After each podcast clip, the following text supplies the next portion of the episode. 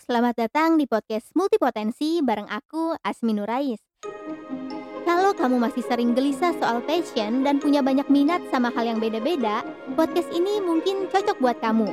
Di sini kita bakal belajar bareng soal menjadi seorang multipotensi, alias orang yang punya banyak ketertarikan dan creative pursuit atau semacam keinginan untuk menciptakan sesuatu gitu. Jadi, ambil cemilan kamu, siapin alat tulis kalau diperlukan, dan selamat mendengarkan.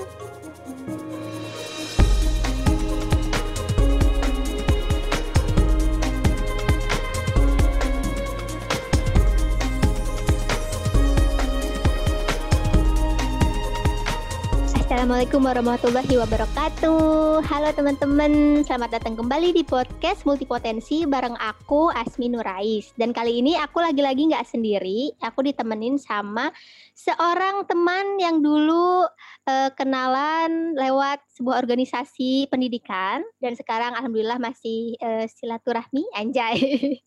Dia adalah Kak Kumaila Hakimah Halo. Halo Asmi. Oke, ini aku pengen ngasih gambaran kalau pasti teman yang datang ke podcast aku ini adalah seorang multipotensi yang entah itu kerjaannya banyak atau nambah-nambah kerjaan jadi banyak gitu kan. Dan selain kerjaan juga kadang apa yang dipelajari banyak gitu. Nah, kebetulan sekarang aku tuh pengen angkat e, tema bareng Kakumai ini tentang kebahagiaan kita nih seorang multipotensi salah satunya yang paling besar adalah belajar belajar hal baru tiba-tiba cadel. Nah oke okay, ya udah kita langsung aja. Aku pengen diceritain sih sama Kak Kumai. Kan Kak Kumai ini udah mah tutor di sebuah aplikasi eh, apa bimbel katakanlah ya. Terus mendirikan komunitas buku juga, terus aktif di organisasi Scrabble, bahkan ngisi konten di Geolife dan masih nulis konten juga ya Kak di portal apa tuh? islami.co dan kemarin aku juga ketemu Kak Kuma itu di Velma bahkan di komunitas perempuan jadi kayak boleh diceritain gak sih itu runutan kesibukan sehari-harinya tuh ini sebagai apa yang kerjaan utama apa terus si komunitas ini tuh apa gitu oh yang ngasilin duit ya jadi tutor nah hmm. terus hmm, kalau di Bukis ya awalnya hobi sih itu waktu aku mahasiswa semester akhir uh, teman-teman teman-teman aku kan uh, lulusnya telat jadi teman-teman udah pada lulus duluan terus aku tuh nggak punya teman okay. jadi aku jadi aku bikin bukis supaya punya teman. Dan uh, aku tuh ngerasa aku suka banget baca buku tapi nggak ada teman buat ngobrol gitu. Gitu deh jadi bukis. Terus kalau Scrabble oh iya aku juga uh, kompetitif main Scrabble. Uh, kayak aku tuh pengen jadi uh, top world player lah pengennya ya. Nah terus kadang kadang-kadang aku nge-coaching anak-anak juga. Terus akhirnya aku, iya Scrabble. Terus uh, ya pokoknya pas lagi pergantian pengurusan aku pas pemilu tuh ngajuin pemilu coba pemilihan presidennya tuh aku nyalonin diri karena tuh aku waktu itu pengen banget bikin nyelenggarain turnamen internasional di Jakarta gitu supaya pemain Scrabble di Indonesia tuh kalau mau main yang rating internasional tuh nggak usah keluar negeri gitu. Di kita pun bisa misalnya karena ya gitu mahal. Keluar negeri buat main Scrabble. Di situ oh. hmm, apalagi? Aku ngapain kalau, oh kalau Islam oh, ya, itu aku ya itu aku nulis sih. Itu ya biasa keresahan-keresahan yang ber yang berurusan dengan Islam ya komunitas muslim lah ya yang meresahkan tuh aku tulis di situ. Kadang-kadang ada ada pesanan sih maksudnya bukan pesanan pesanan ya maksudnya kayak lagi ada event apa nih misalnya mau lebaran tulis dong tentang uh, hikmah lebaran misal. Itu hmm. sih. tapi ya kebanyakan isinya aku misuh sih. Terus misuh dong. Uh, aku ngapain lagi Asmi? Nah, kalau kemarin tuh gimana ceritanya bisa ngisi konten di Geolive, Kak? Oh, kalau itu uh, waktu itu Kania uh, ngubungin aku. Dia uh, ada ide ada ide rubrik baru, mau nggak ngisi? Terus aku bilang mau. Nah, udah gitu, aku kan payah ya depan kamera. Nah, terus Kania kan orangnya straightforward. Jadi kayak dia kayak langsung me menembakiku dengan straight feedback gitu. Jadi ya aku ngerasa kayak apa boleh buat kayak apa boleh buat improve sih. Oke. Terus uh, ya takut sama kamera. Oh ya aku takut sama kamera. Asmi ingetin ingetin apa tadi di awal ngingetin aku uh, aku pernah update tentang aku takut sama kamera. Eh terus tahu-tahu kok uh, tahu-tahu nongol di Geo Live. iya. Jadinya aku kayaknya rasa takutnya rasa takutnya mulai mulai hilang. Ya cuman uh, jagonya belum sih. Maksudnya uh, skill presentasinya masih kurang. Tapi seenggaknya rasa takut kayak kayak takut keringetan gak jelas tuh. Itu tuh beneran merinding loh Asmi. Aku kalau ngerekam diri sendiri di kamera kayak merinding terus tahu-tahu kayak uh, keringetan gitu. Emang gitu kok kak. Gitu. Oke, terus gimana sih emang maksudnya dari sekian banyak itu Kak Kuma itu emang ada jadwal tertentunya kah? Maksudnya kalau kerja sebagai tutor tuh emang e, kerja yang ada waktunya atau misalnya mungkin fleksibel sehingga bisa melakukan banyak itu atau gimana Kak? Maksudnya gimana sih cara membagi waktunya di antara semua itu? Hmm, sebenarnya semuanya instan sih. Maksudnya kayak pas lagi ada ide kebanyakan kan ini ya, misalnya kayak komunitas, kegiatan komunitas ya kalau ada ide dirapatin. Oh iya, terus kan eh, eh iya Asmi sekarang kan anak Selma juga. Iya, iya. Nah, di Selma kan waktu itu aku suka kayak suka nulis buat konten. Mm-hmm. Itu juga itu juga diajakin Kania. Jadi dulu sebelum jadi tutor di Zenius ini, sebelum aku ketemu sama Asmi di organisasi itu, aku sebelumnya di Zenius. Oke. Okay. Desain. Ini nggak apa-apa ya. sebut, sebut merek nggak apa-apa. Oh iya. aku aku desain kurikulum waktu itu. Oh iya iya iya. Gitu. Nah terus ditawarin balik. Ya udah boleh dengan senang hati. Di sana jadi tutor apa kak? Tutor logik, verbal logik. Oke oke oke. Eh, Iya, logika verbal. Pembagian waktu nggak ada Asmi yang jago kalau pembagian waktu. kalau aku cenderung kalau capek ya aku istirahat kayak e, misalnya kayak di Bukis aku ngasih tahu tim aku sok lah kalau mau ngapain ngapain tapi aku like, mau break gitu. Tapi kalau di yang jadi tutornya itu sendiri emang nggak kerja yang 9 to 5 gitu ya kak? Emang e, mengerjakan walking list gitu? nggak terlalu working list sih justru kayak generate ideas. Oh cuman secara waktu ya, emang fleksibel? Uh, secara waktu fleksibel kok tapi ya ada target. Oke okay, oke okay, oke. Okay. nah kalau boleh tahu dulunya kak Kuma ini background pendidikannya apa sih? Maksudnya sampai bisa jadi tutor ngisi logika dan gitu-gitu. Background aku uh, sarjana agama SAG terus aku ngambil jurusannya juga spesifik banget lagi tafsir tafsir hadis Quran. Hmm, tafsir hadis, tafsir hadis, tafsir dan hadis itu. Oh, berarti emang dari dulu punya ketertarikan untuk belajar agama atau teologi gitu, Kak? Hmm, iya. Jadi aku kan dari kecil kan hafal Quran. Mm -mm. Jadi emang kalau yang hafal Quran itu hmm, jadi uh, kampusku itu emang uh, lumayan eksklusif sih. Jadi itu udah mah khusus perempuan. Mm -mm. Terus khusus buat yang hafal Quran ada syarat ada syarat hafal Qurannya buat lulus. Hmm. Dulu waktu kakak kuliah pernah kepikir nggak sih setelah lulus tuh akan jadi yang sekarang gitu? Atau dulu justru malah kebayangnya beda? Hmm, dulu tuh aku mikirnya abis kuliah tuh aku mau kuliah lagi. Aku nggak kepikir mau jadi apa sebenarnya. Kayak aku belajar tafsir karena pengen belajar kan. Maksudnya aku emang emang suka banget Quran-Quranan ini nih. Mm-hmm. Nah terus uh, aku tuh mikir mau langsung S2 dan aku emang mempersiapkan diri untuk S2.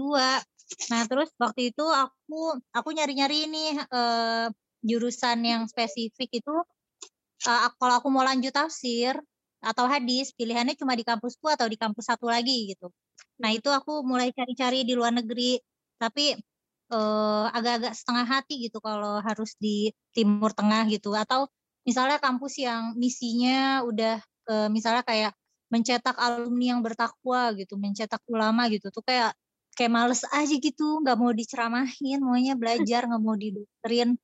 Jadi uh, pas lagi skripsian waktu itu uh, kan jadi di perpus mulu dan nemuin jurnal-jurnal kayak kampus-kampus dari UK atau US yang Islamic Studies Islamic Studies gitu terus aku baca kayak oh bisa ya ini kayak Quran diteliti, dikaji dari sudut pandang ini, bisa ini gitu. Terus aku jadi mulai uh, aku apply ke ini waktu itu ke University of Edinburgh. Hmm. Nah terus dapatlah tuh offer, seneng lah aku, aku apply LPDP, gak lolos, sedih deh, gitu. Nanti kak tahun depan tahun depannya lagi insya Allah ada kak. Asmi justru menariknya sekarang aku udah nggak mau kuliah. Oh iya. Iya. Kayaknya aku ngerasa kayak uh, mungkin karena waktu habis eh, nggak uh, dapat kuliah itu aku jadi ikut online course online online course gitu. Karena uh, jadi seenggaknya kayak haus belajar haus belajar haus belajar itu terobati lah gitu. Jadi uh, online course-nya tuh kalau kita sesuai deadline ngerjain tugasnya Mm-hmm. kita tuh dapat feedback dari profesornya loh tugas esai-esai kita. Jadi ya lumayan lumayan mengobati rasa sedih. Maksudnya aku kan kayak pengen banget kuliah kuliah di luar gitu. Nah hmm. terus uh, seenggaknya dengan ikut uh, course online kayak gitu itu bikin aku terobati lah. Terus aku jadi nyadar kalau motivasi aku belajar, aku juga tetap bisa belajar. Terus kayak S2 ya paling bedanya aku nggak bisa riset aja, nggak bisa riset yang ada degree-nya gitu. Iya, iya. Gitu iya. deh. Hmm, menarik banget Kak. Soalnya berarti dulu nih sebelum masuk kuliah, maksudnya ini kalau kita undur lagi ya, sebelum masuk kuliah bahkan, bukan yang sebelum lulus kuliah. Kak Kumai emang pengen belajar agama itu ada bayangankah akan jadi apa atau gimana? Maksudnya aku tuh jarang banget Kak nemu temen yang emang uh, beneran tertarik sama agama gitu. Ada sih temanku SAG dari UPI, cuman emang dia aku aku lupa dia awalnya milih jurusan itu gara-gara apa, tapi nggak yang lu begitu lulus nggak yang kayak aku main gitu. Maksudnya tipenya emang emang jatuhnya dia jadi teater di film gitu. Ada orang kayak aku, setipe kayak aku. Nah, aku penasaran nih Kak, dulu nih ketika Kakak melihat jurusan yang waktu itu Kakak pilih, kebayang nggak sih itu tuh uh, akan gimana gitu dan bahkan ketika lulus pun Kak, Kak Kumai akan menjadi Kak Kumai yang sekarang gitu yang secara pekerjaan tuh nggak gimana ya nggak agama-agama banget lah katakan gitu kasarnya. Nah, iya, aku uh, aku SD SMP SMA kan pesantren. Uh -uh. Malah uh, malah waktu lulus SMP aku tuh nggak langsung masuk SMA, aku pesantren tradisional dulu setahun buat ngedalemin Quran. Uh, jadi emang uh, apa ya? Aku ngelihat arah aku tuh kayak ke Quran-Quran terus. Apalagi ibu aku e, kayak orang tua aku lumayan ambis soal itu sih. Jadi kalau ibu aku lihat aku misalnya dengerin musik atau baca komik atau gimana, ibu aku tuh gemes gitu kayak aku tuh buang-buang potensi, cie ini uh, channel multipotensi ya. Aku buang-buang potensi aku. Aku aku bisa manfaatkan waktu untuk ngafal Quran gitu, jangan baca komik. Nah jadinya ya aku jadi ngafal Quran. Nah terus belum lagi disuka disuap juga sama bapakku. Misalnya kalau udah hafal sampai juz 19 nanti dikasih 50 ribu gitu ya kan saya murah ya. Ya hmm. saya ikutin. Nah terus uh, pas udah selesai, aku udah selesai hafalanku kayak sekitar umurku 10 atau 11. Aku kira udah tuh uh, bapak ibuku nggak akan nagih-nagih hafalan kan. Soalnya aku udah mendapat uh, title quote in quote al hafizoh lah gitu. Nah hmm. ternyata enggak ibuku pengen aku hafalannya sempurna tapi sebenarnya aku nggak masalah. Aku aku nggak masalah karena aku juga suka. Malah kayak uh, aku ngerasa emang mungkin selama aku uh, studi pesantren dan lain-lain itu sampai kuliah, aku mikir emang kayaknya tuh uh, my lifetime fokus tuh akan di Quran gitu. Hmm. Dan emang dan sampai sekarang juga aku masih maksudnya masih uh, masih minat kok kalau ada bacaan-bacaan yang bacaan-bacaan yang masih terkait dengan studi Quran, studi Islam gitu, aku masih tertarik. Hmm, oke okay, oke. Okay. Berarti saat ini gitu. Hasil studi Kak, maksudnya waktu kuliah dan hasil belajar di pesantren dan sebelum-sebelumnya Kak Kuma itu kan begitu lulus awalnya tertarik pengen kuliah lagi Kak, ya kan? Nah, boleh tahu nggak sih karir pertama Kak Kuma itu apa? Maksudnya setelah habis habis pengen lanjut kuliah terus ternyata nggak lanjut. Nah waktu itu karir pertama Kak Kumai apa? Maksudnya kerjaan pertama Kak Kumai? Guru ngaji, ngajar ngaji anak-anak, ngajar ngaji ibu-ibu. Itu berapa lama sampai akhirnya Kak Kumai pindah, uh, maksudnya tiba kerjanya pindah gitu? Itu lumayan lama sampai dari sebelum aku sebenarnya udah uh, ngajar-ngajar itu dari masih awal kuliah aku udah part time ngajar.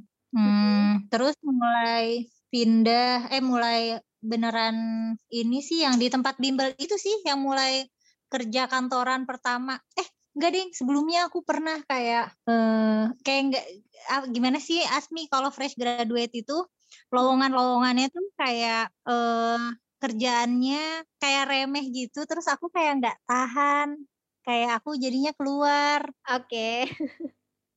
terus eh aku terus nggak nggak worth nggak worth duitnya juga kayak Ya ya. waktu itu aku mikir kerja kantoran dari pagi sampai sore terus gajinya UMR kayak udah gitu aku punya anak kan Mhm. kayak nggak terus habis itu aku ngerasa aku nggak belajar banyak jadi kayak ah kalau emang nyari duit aku bisa jualan gitu aku waktu itu suka baking baking cookies atau cake terima pesanan nah terus baru mulai kerja kerja kantoran itu ya di tempat bimbel itu waktu aku desain kurikulum. Nah eh ya, desain silabus. Heeh. Eh, nah waktu itu aku di situ baru mikir kayak aku kan suka nih kayak ngajar. Aku suka kayak ngajarin orang. Nah tapi kalau jadi guru sebagai karir tuh kayak ada pikiran apa ya ada ada kekhawatiran gak bisa hidup dari ngajar gitu. Nah pas Oh. di pas di tempat bimbel itu aku jadi sadar kalau aku juga bisa ngajar dengan cara ini dengan cara bikin silabus dengan cara bikin model soal nyusun materi gitu Hmm, menarik juga, Kak. Berarti sekarang tuh ke maksudnya Kakak tetap memanfaatkan eh, ilmu Kakak dulu waktu kuliah dan waktu maksudnya studi agama yang dulu itu di kerjaan yang sekarang dan di hobi-hobi bukan hobi-hobi sih. Maksudnya di apa yang dilakukan selain kerja juga kan? Maksudnya entah itu nulis di islami.co atau mungkin masih ngajar ngaji juga ya nggak sih? Mm-mm, enggak sih aku udah gak ngajar ngaji nggak ada yang mau ngaji sama aku Asmi udah udah nggak ada yang mau ngaji sama aku ya paling aku suka ini kan suka terima terima konsultasi syariah tuh di Instagram Oh iya benar-benar. Iya. Instagram Kak Alma lagi- namanya apa? Ini biar At- biar pada denger aja. at kumai underscore reads Iya teman-teman kalau mau konsultasi syariah di bio Instagram aku ada link sekretos kalau mau anonim kalau mau DM langsung juga aku ini available Hmm, berarti Kak, eh, ini kalau misalnya boleh tanya spesifik ya, berarti Kak Kumai sekarang dengan kerjaan yang sekarang yang mungkin secara keterkaitan tuh nggak nggak terkait sama agama lagi, sama agama kan yang dipelajari di kuliah kan ya, maksudnya nggak terkait sama itu lagi. Kak Kumai nggak ngerasa ini kan, nggak ngerasa percuma kan kemarin belajar itu, karena sekarang tetap tetap dipakai gitu. Hmm, enggak, justru sebenarnya eh, aku ngerasa eh, prerequisite skill yang aku dapat dari kuliah itu aku pakai lifetime.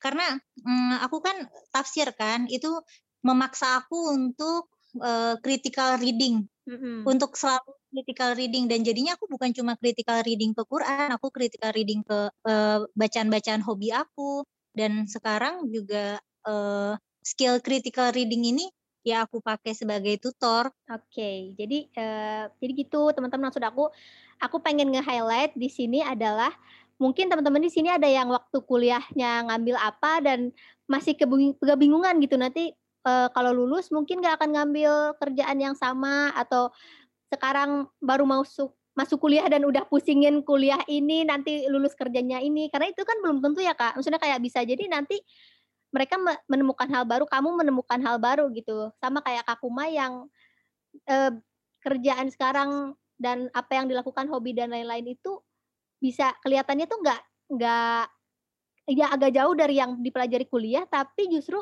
kebermanfaatannya tuh tetap dipakai lifetime ya nggak sih kak? Iya, jadi aku ngerasa kayak eh, waktu kuliah tuh aku bisa pakai kerangka berpikirnya, Mm-mm. bisa pakai eh, tools tool critical thinkingnya tuh ke banyak hal, bukan cuma ke Quran gitu. Kak Kumai bu- baca buku yang ini nggak sih kemarin? Eh maksudnya pernah pernah baca tentang ikigai gitu nggak sih? aku Nah. baca Ikigai yang penulisnya aku lupa namanya tapi kayak bule gitu, yang satu lagi yang penulis Jepang. Kak Kumai saat ini merasa menemukan ikigai atau enggak? Ikigai, apa aja potongannya? Menghasilkan duit, Ya, duit apa yang dia bisa, yang dibutuhkan. apa yang menghasilkan uang? Eh tiga nggak sih apa? Aha. Nah intersect itu nggak sih? eh dapat karena eh, tahu nggak aku aku tuh jadi tutor di tempat kerjaku sekarang Mm-mm. eh kerjaannya yang adjust ke aku bukan aku adjust ke lowongan jadi uh, waktu itu kan diajak ngobrol gitu uh, tentang kayak uh, opportunity aku untuk balik kerja di situ gitu. Hmm. Terus kayak aku kerjanya apa? Ya kamu bisanya apa? Nanti dibikin lowongannya. Oh. Jadi aku kerja di situ nggak ada lowongannya.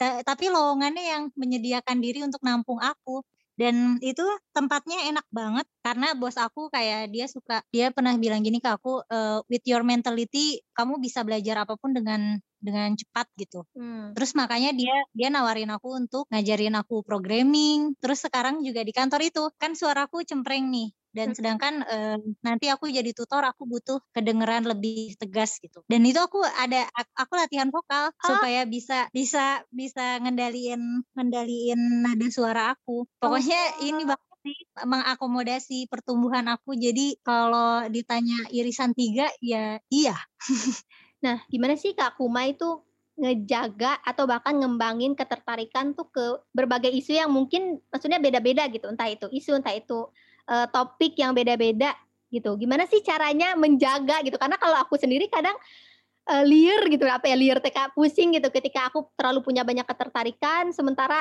apa yang aku pelajari kemarin juga belum kelar gitu kan. Terus aku juga sering tuh nemu teman-temanku yang justru lebih senang ya udah mereka milih untuk concern di topik ini aja gitu atau mungkin lebih memilih untuk oh kalau topik itu aku mah enggak deh gitu. Nah, ini Kak Kumai gimana gitu sebagai orang yang bisa dibilang uh, lebih bercabang daripada aku gitu cara belajarnya. Apa ya Mia? Ya? Uh, lagi-lagi aku orangnya emang kebanyakan go with the flow sih. Apa yang tertarik buat aku saat itu ya aku pelajarin, yang aku udah bosen ya aku tinggalin. Uh, tinggalin itu kalau kondisi apa, Kak? Maksudnya itu konsep unlearn nggak sih?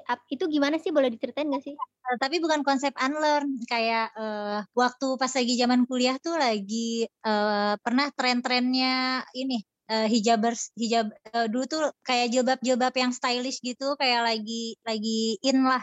Nah -hmm. terus, uh, aku lihat kayak market didominasi sama brand-brand desainer yang yang mahal-mahal lah gitu, padahal uh, aku ngerasa kayak aku bisa produksi itu uh, lebih murah. Terus aku waktu itu tuh bikin uh, ini aku jualan jilbab, jualan kerudung pas lagi zaman kuliah. Uh, dan itu dan itu lumayan banget buat nambahin jajan. Tapi ya habis itu aku bosan. Biasanya yang bosan-bosan yang jualan ya aku nggak tahu kenapa nih. Iya, Karena iya. justru ada duit tapi aku jadi bosen gitu. Nah yang gak ada yang gak ada duitnya malah uh, aku meskipun anggot-anggotan semangatnya mungkin karena itu me, merangsang merangsang otak ya merangsang keingintahuan gitu pengen belajar terus. Ya misalnya kayak gitu ya? Bukis, misalnya kayak Bukis atau Velma atau Islami.co itu kan mengharuskan aku punya fresh ideas terus-terusan gitu. Hmm, ya, ya. Terus kayak misalnya jualan kerudung terus kayak udah udah laku udah bikin lagi udah terus aku nggak punya keinginan untuk kayak bikin bisnis gede juga. Oke. Nah, terus gimana Kak kalau misalnya ada orang yang uh, sama gitu kayak Kak Kumai pengen tertarik sama banyak hal tapi dia ngerasa waktunya tidak memadai gitu. Maksudnya waktunya terlalu sedikit nih apalagi di usia dewasa gini gitu. Aku pengen tahu sih Kak Kumai, kan Kak Kumai uh, mendirikan Bukis berarti komunitas yang dibangun dari kesenangan membaca kan. Nah, gimana sih untuk membangun kebiasaan belajar hal baru termasuk di dalamnya membaca? Terutama kalau orang ngerasa kalau ini waktunya kurang gitu. Sebenarnya kalau kita suka kita akan make time sih. Hmm, iya sih benar. Nah, uh, emang kayak uh, aku suka bikin list uh, kayak bank ide gitu. Mm-hmm. Uh, biasanya kalau misalnya sempit, waktunya tuh benar-benar sempit kayak kerjaan banyak, terus yang lain-lain banyak. Tapi ide ini ada nih nyantol gitu, cuman gak bisa dieksekusi sekarang ya. Aku masukin aja ke bank ide nanti pas aku udah selesai yang prioritas yang kewajiban nanti aku tengok lagi bang ide mana yang masih mana yang masih bisa dieksekusi mana yang yang udah basi mana yang kadang-kadang udah nggak minat lagi e, ngegodok ide itu. Oh. makanya kayaknya energinya tuh paling panas ya pas ide itu muncul. Kalau udah dipendem lama tuh kayak lama-lama semangatnya hilang. Aku mut-mutan Asmi. Oh berarti aku, Kumai tipenya kalau ada ide tuh random ya kayak misalnya ini ada ide A B C D dan idenya tuh kumpulan ini bisa jadi yang satu buat bukis, yang satu buat di tutor, yang satu buat islami.co gitu. Terus nanti disusunnya nanti gitu. Iya, tahu-tahu aku nggak bisa tidur jam 2 malam aku nulis skrip buat Geolive, terus uh, tahu-tahu kayak oh apa pengen ngonten deh di Bukis ini gitu gitu tapi gimana ya aku pengen banget jadi orang yang bisa punya self disiplin yang tinggi gitu itu yang aku kurang sih kayak aku ngerjain karena aku suka bukan karena ngerasa aku harus kecuali kecuali kewajiban ya kecuali tanggung jawab kayak kerjaan itu kan kayak apa boleh buat harus dikerjain iya iya iya tapi itu wajar nggak sih kak? Maksudnya kalau menurut aku itu wajar-wajar aja karena kakumai kakumai dan aku pun masih melakukan kewajiban gitu. Emang itu sesuatu yang harus dipermasalahkan. Ini ini ini kita diskusi aja kak.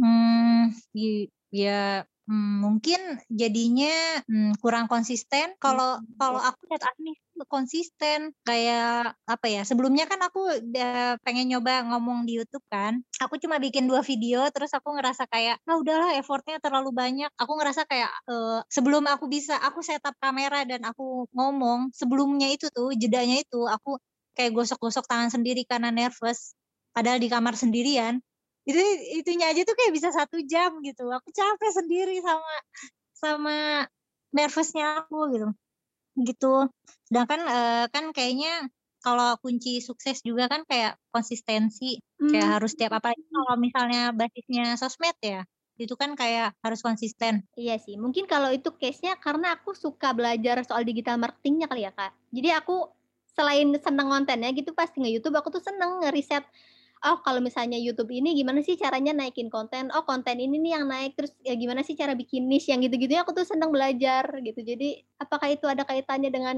konsistensi konten ya aku nggak tahu gitu. Karena sekarang pun nggak nggak konsisten gitu kalau kontennya. Tapi belajar soal si digital marketingnya aku masih konsisten. Mirip sebenarnya sama Kakumai sebenarnya. Oh iya. Sebelum sebelum aku uh, tutor di sini di situ aku sebelumnya digital marketing juga kayak di oh, oh. ya ini aku digital marketing juga di sektor ini lagi uh, food and beverage. Uh, jadi kayak ya aku ngelola sosmednya restoran-restoran gitu. Dan iya sih aku seneng kok nganalisis nganalisis performa konten. Hmm iya iya. Nah tapi kalau Kakumai ini aku lihat aku lihat maksudnya Kakumai juga sama-sama tipe orang yang uh, masih mewujudkan apa yang menjadi ide gitu. Maksudnya meskipun itu nggak konsisten, tapi tetap mewujudkan gitu. Nah, nah aku pengen tahu dong dari Kak Kumai, gimana pandangan Kak Kumai atau mungkin kasih uh, saran ke teman-teman yang sama gitu tipenya kayak ide banyak atau atau gimana, tapi selalu merasa nggak ada kesempatan untuk mewujudkannya gitu. Itu ini konteksnya umum ya kak apa pun gitu. Mau mereka bikin konten, nulis bahkan atau atau pengen mulai sesuatu hal baru gitu? Kalau yang aku lakukan aku keeping journal sih. Jadi ada uh, aku keeping jurnal fisik juga, jurnal buku sama suka nyoret-nyoret di notes HP. Jadi kayak setiap ada yang popping in mind ya terus aku tulis mau itu bentuk kayak ide atau apa atau apa. Nah, nanti kalau misalnya ketika aku lagi butuh, nah kan kan, kan kadang kita gitu ya, gak butuh ide yeah. tapi ide muncul. Tapi pas dibutuhin ide kok kayaknya otak buntu. Nah pas lagi begitu aku balik lagi ke catatan aku. Misalnya emang aku, aku udah bagi-bagi misalnya uh, rencana misalnya rencana acara buat Scrabble, terus uh, rencana tayang Geolive, terus apa islami.co atau apa itu udah udah aku bikin bank ide. Cuman ya emang itu bank ide aku tuh kayak benar-benar limitless banget sih. Kayak emang ada yang aku taruh tu, tulis aja di situ ide padahal aku aku belum tahu gimana cara ngembangin ide itu gitu. Jadi baru sebatas ide. Ada yang emang aku udah bisa naruh ide beserta uh, perencanaannya dengan lengkap gitu. Kalau saran hmm. aku sih setelah lagi muncul itu langsung keep notes. Iya. Yeah. Karena ntar terbang kadang hilang soalnya lupa. Iya benar. Kayak ah, kemarin pikiran sesuatu apa ya? Gitu.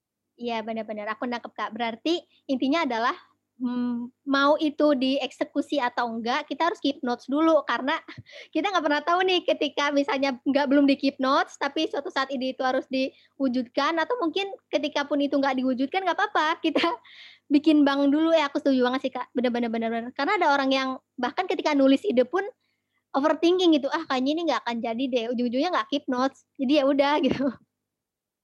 Iya, jadinya dibuang.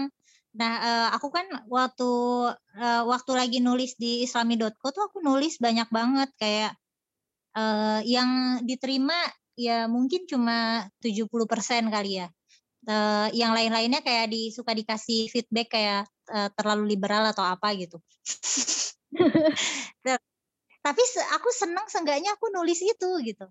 Iya iya, bener bener bener bener. Apa yang aku pikirkan tuh keluar gitu, enak. Bener bener bener bener. Iya sih, bener banget. Karena aku juga sering kejadian tuh, ide tuh film pendek dari kapan tahu, 4 tahun kemudian baru bisa dibikin.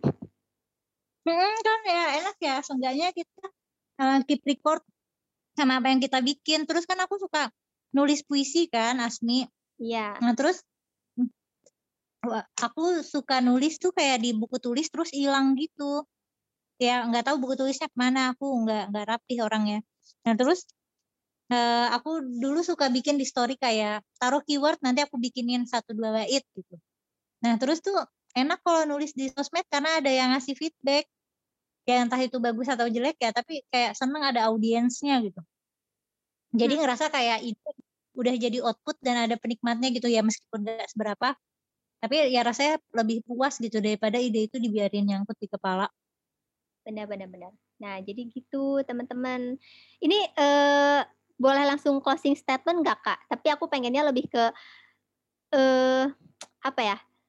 Eh, pengen Kak Kumai ngajak teman-teman tuh biar nggak takut untuk um, belajar hal baru atau mulai hal baru meskipun ya mungkin ngerasa waktunya dikit gitu. Di luar tips yang tadi. Oke, apa ya? Eh, Asmi tahu ini nggak M-shape person, M-shape sama T-shape? Eh, enggak. Ya, kayak T-shape tuh orang yang uh, ngedalamin oh, status. Iya tahu tahu yang di bapak-bapak.id aku tahu.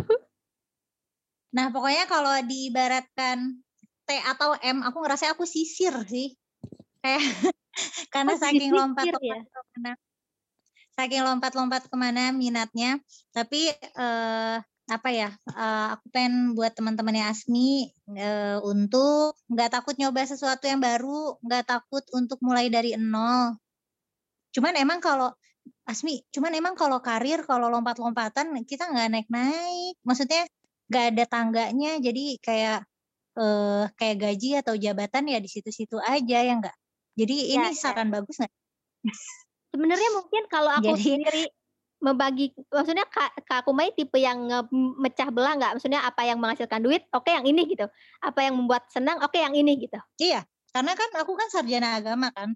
Mm-hmm. Jadi aku emang nyari kerjaan apa yang bisa aku kerjain dan bisa ngehidupin aku gitu. Iya, iya. Nah, karena kalau cari yang irisannya sama dik susah. Iya, iya, iya. Nah, mungkin yang harus dicari naik-naiknya naik itu mungkin kalau aku ya itu yang menghasilkan duit. Kalau yang ini nggak apa-apa gitu lompat-lompat untuk mencari hal baru belajar hal baru gitu. Ya nggak sih? Nggak tahu kalau kak Kumai nah itu itu justru Asmi ngasih saran yang lebih bagus jadi uh, karir mah karir hobi mah hobi gitu ya. Saya syukur-syukur hobinya dapat jadi duit. Iya benar-benar. Cuman intinya nggak harus ke trap sama ide idea of kalau hobi jadi karir itu pasti bahagia gitu. Bisa jadi kepisah emang harus kepisah. Iya nah terus uh, emang tempatnya di mental sih. Kayak jangan nggak nggak perlu takut untuk ngeksplor sesuatu yang baru. Kayak kadang-kadang kita udah punya mental block duluan. Ya. ah ini pasti uh, bidang ini pasti susah nih pasti gue nggak nyampe pasti gue nggak bisa gitu. Padahal padahal belum nyemplung nyemplung aja dulu. Nanti kalau megap-megap ya kelelep. Ya. Asmi aku nggak jago nggak kalau kelelep nyari nyari kolam yang baru kak gitu. Aduh. Nah, iya benar iya tuh kalau kalau kelelep cari kolam yang baru gitu. Ya iya. mungkin emang kalau kolam-kolam yang masih asing tuh kelihatannya kayak dalam banget gitu, kayak bahaya banget. Padahal pas dicobain ya ya nggak semenakutkan itu atau emang semenakutkan itu sih. Mana tahu kalau nggak dicoba gitu intinya. Cuman kita nggak tahu kalau nggak nyoba. Kita juga nggak tahu kayak uh, apa ya kayak kapasitas otak manusia itu kan sebenarnya luar biasa ya. Kita kita beradaptasi dengan otak kita bisa beradaptasi dengan fleksibel lah gitu plasticity brain plasticity itu. Mm-hmm. jadi kadang mulai hal baru itu bikin kita ngerasa ngerasa bego ngerasa kita payah. Tapi sebenarnya itu bukan karena kita bego atau payah itu karena itu hal baru. Dan itu masih asing buat orang kita ekspos otak kita ke hal itu aja terus nanti lama-lama juga kalau udah nggak terlalu asing tidak terlalu menakutkan kok. Ya gitu. dan Kak Kumai bisa dibilang udah terbiasa mencoba hal baru. Ini nggak maksudnya terbiasa menjadi pemula lagi dan lagi berarti sekarang? Jangan takut jadi pemula lagi pemula lagi.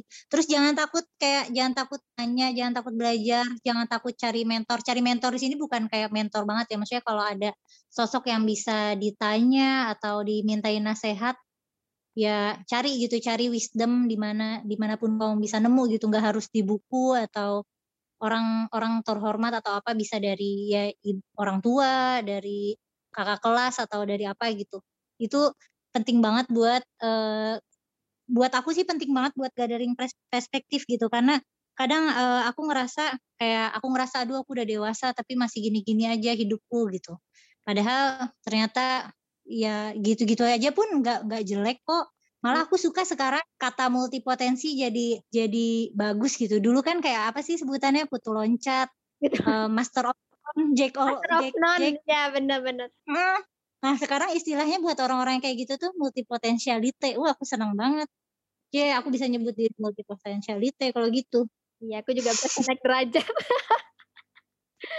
Aduh, ya udah deh kalau gitu. Sebenarnya obrolan kita uh, tentang belajar hal baru udah cukup kak insya Allah. Jadi makasih banyak buat Kak Kumai udah hadir di podcast episode kali ini. Nah teman-teman kalau mau mencari tutor boleh banget ke Kak Kumai ini kalau pengen curhat-curhat syariah atau mungkin curhat-curhat pengen belajar logika bisa mampir ke Instagramnya Kak Kumai Kumai underscore reads. Ya nggak sih? Bener nggak Kak?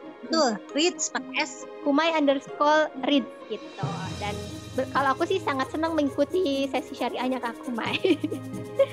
Begitu teman-teman. Ya udah thank you banget Kak Kumai udah hadir di podcast ini. Makasih. Wassalamualaikum warahmatullahi wabarakatuh